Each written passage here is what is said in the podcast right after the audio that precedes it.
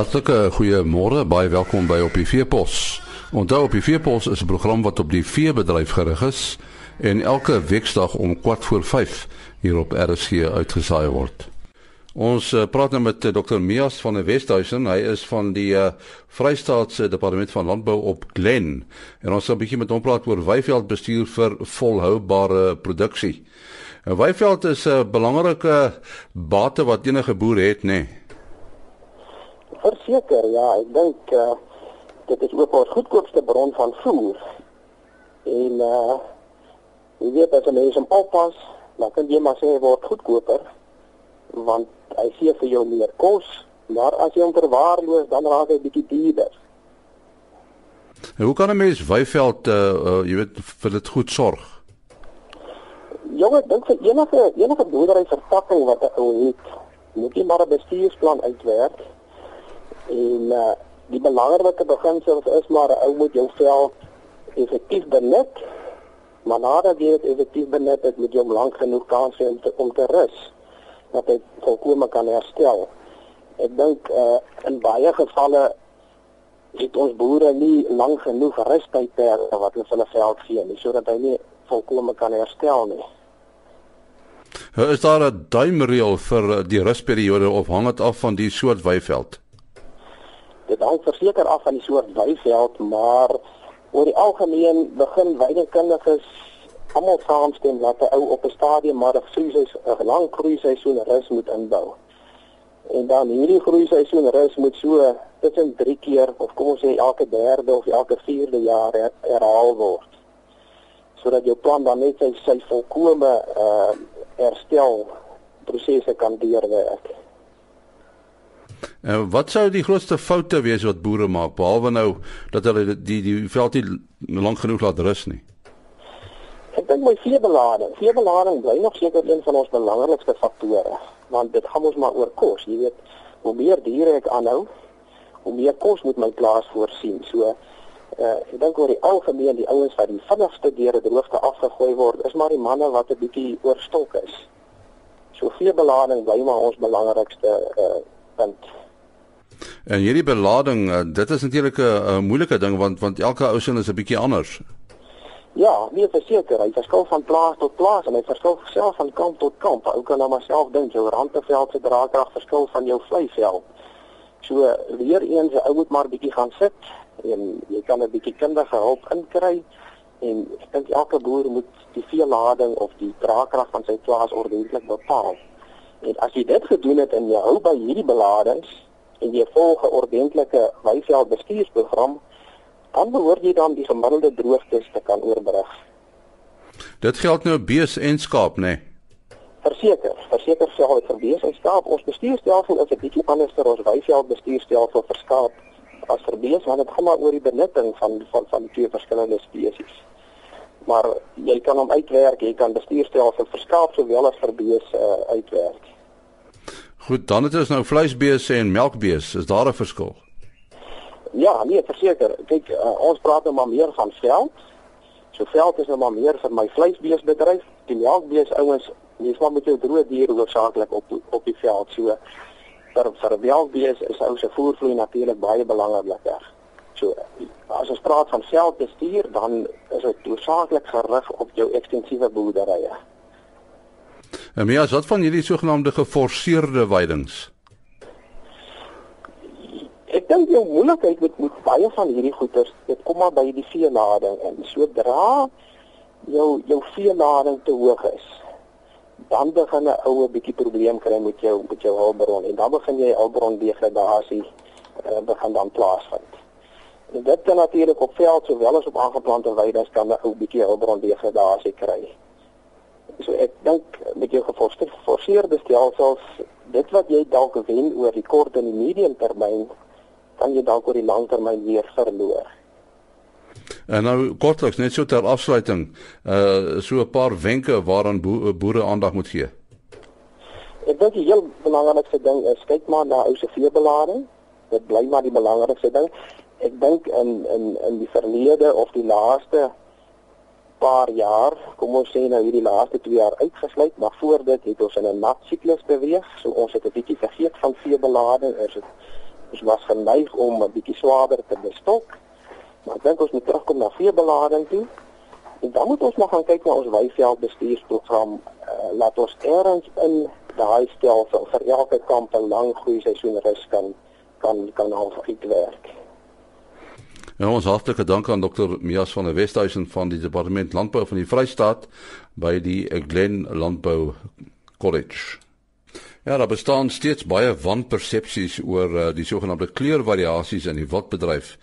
Dis nou wat Barry York van Golden Breeder sê en een eh, van die stigtersleerders van die goue wildebees. Uh een van die persepsies is dat kleurvariante 'n genetiese risiko vir spesies inhou. En Barry, julle is nou direk gemoeid met uh, met die teeling van goue wildebeeste. Uh watter wanpersepsies is daar volgens jou oor kleurvariante? Ek het met goue wildebeest uh begin boor so 25 jaar terug. Van my kennis dat hierdie is 'n 'n wonderlike gem van die natuur. Die wanpersepsies is on, is is ongelukkig begin jare terug. En een van die eerste waanpersepsies was dat ehm um, goue wildebeest is gemaak van kruisdeling teen 'n blou en 'n swart wildebeest. Die mense van Nature Bewaring het vir ons daardie storie vertel en dit was heeltemal nonsens. Die goue wildebeest kom uit die natuur uit daar op die Limpopo rivier en ons het die DNA toetse gedoen en bewys dat goue wildebeest is dit dit is nie 'n kruisdeel nie. Die ander wanpersepsie mense gemaak en mense gedink is dat 'n uh, uh, eberasies is deur mense gemaak van genetic manipulation en genetic modification. En dit is ook een van hierdie ongelukkige goed wat wat is net heeltemal vergeet. Ek het nou gesê kom van die natuur af en die twee variansies in ons wild. Jy weet dat nie nie twee wildebeeste dieselfde kleur nie. En hy is 'n baie belangrike deel van ons genetiese diversiteit.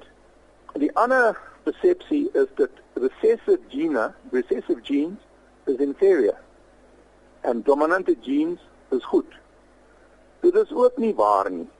Weet jy dat uh, die Paul gene of die Punskop gene in beeste is die dominante gene? Nou watter beeste is meer aangepas? Watter beeste kan die roofdier wegjag wegjag van sy kalles? Watter dier kan watter bees kan baklei om te teel? Is die dier, is die bees met horings. En dit is net die bees wat met horings het wat die recessive genes dra. So is hierdie mispersepsies wat ons moet um in die hok slaan. En die rede dat ons moet dit in die hok slaan is dat um goeie mense soos ons jagters kan nie die die die, die regte besluit maak as as hy as hy nie die regte inligting het nie um, om 'n volhoubaar en sustainable wildboer te wees. Ons moet oop, transparent en accountable wees. Maar die tyd om terug te staan terwyl mense wat nie die kennis het en of nie die navorsing gedoen het, nonsens praat vir ons is verby. Ons oop wees, ons moet transparant wees, maar maar ons die mense moet die regte inligting kry dat hy kan die regte besluite maak. Hoekom is is die sogenaamde goue wildebeeste so gewild? O, waar hoekom my omdat hy baie skaars. Ons het begin um so 1986 ek het my my eerste goue wildebeest gesien. Hy was doodgeskiet um by 'n 'n 'n bultong jagter daar op die Limpopo rivier. Ek het hierdie wonderlike mooi bok gesien lê dood en in my hart het geval. Ek het gedink, hoe kan so mooi ding net doodgemaak word? En toe ons het gedink dit was net die een keer in my lewe dat ek sal sien, maar die mense in die uit in die 1920s het hulle gesien in Botswana, ek het dit nie geweet nie. En toe ons het begin teel met so 25 jaar terug. Daar was net 2 of 3 in die hele in die hele land. Nou daar's miskien 'n paar duisend. Hy's baie mooi bok, hy's baie aangepas en is baie dis baie demand vir hulle. Dit sou kom uit so goeie prys. In die verlede um Nature Conservation het dit het ons verbied om uh die die bokke te skuif lewendig omdat hy uit al hierdie stories gepraat dat hy is 'n risiko in saam. En van van, van die tyd wat hy dit oopgemaak met permitte, het die prys uh, goed opgestyg uh, omdat daar so uh, goeie demand vir die bokke. Uh, is hierdie pryse, die hoë pryse, is dit volhoubaar? Wat gaan op kan afkom. Maar in ons wildbedryf we, we work on supply and demand. Um as jy kyk in die wild uh, in Afrika, raak die wild meer of raak die wild minder? En ek dink die wild in Afrika raak minder. So we've got a diminishing resource with an increased demand. So die prys is baie goed. En vir my, ehm um, as ons as boere wil in die toekoms oorleef, ons moet value add op ons produk. Die arme beesboer. Ek is ook 'n beesboer, maar as ek moet my bees bemark, ek moet 'n lorry kry. Ek moet die transport betaal. Ek moet die afslae betaal, die commission, ek moet die kraalfooi betaal. En daar's so baie mense tussen ek as beesboer en die consumer wat daardie vleis eet wat moet ook oorleef. In die wildbedryf ons kan daardie prosesse self behandel. So ons is baie makliker om te value add. So die wildbedryf vir my het altyd en sal altyd 'n goeie toekoms hê vir enige vir enige boer wat bereid is om te value add in sy produk. Uh die die wat uh is dit nou uh, meer vir die jagbedryf of uh voorsien julle dat uh, mense sal begin wildsvleis eet? Kyk, daar's verskillende daar's verskillende um komponente in die wildbedryf. Um ons het die ons het die biltongjagters wat kom jag vir vleis. En en dit is meeste van die Suid-Afrikaanse jagters en hy's 'n baie belangrike groep van ons van ons van ons uh ons on, on, ons uh, wildbedryf. Dan ons het die oorsee jagters. Ehm um, wat uh meeste van hulle is trofeejagters wat bietjie meer betaal. Ehm um, omdat ons as boere of beroepsjagters gee vir 'n hoër diens en en hy betaal ook meer vir 'n trofeebok. Dan bo dit is ook die mense wat wil met wild teel. En baie mense het gepraat aan die hoë pryse wat is betaal vir die die groot buffels en so aan. Maar jy weet hoeveel van daardie groot buffels kom van Suid-Afrika af. En my my seun het navorsing gedoen en die die top 17 buffels wat oorgeskiet is in die wêreld of of in Roland Ward ge, geskryf is. Die top 17 kom nie van Suid-Afrika nie. So hierdie top bulle en en top en top diere soos die buffels wat ook uh, disease free is, het uh, baie daar's 'n groot demand vir hulle. Almal wil met buffels steel. Daar's 'n groot demand om buffels te jag.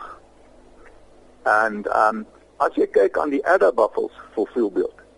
Hulle is klein, jy het nie groot horings, hy het nie groot lyf. Daar's ook eenkeling probleme tussen tussen hulle. So om nuwe bloed in te kry, dit sou kom mense betaal so groot pryse vir topkwaliteit diere. Dit was Barry York wat gesels het oor kleurvariante.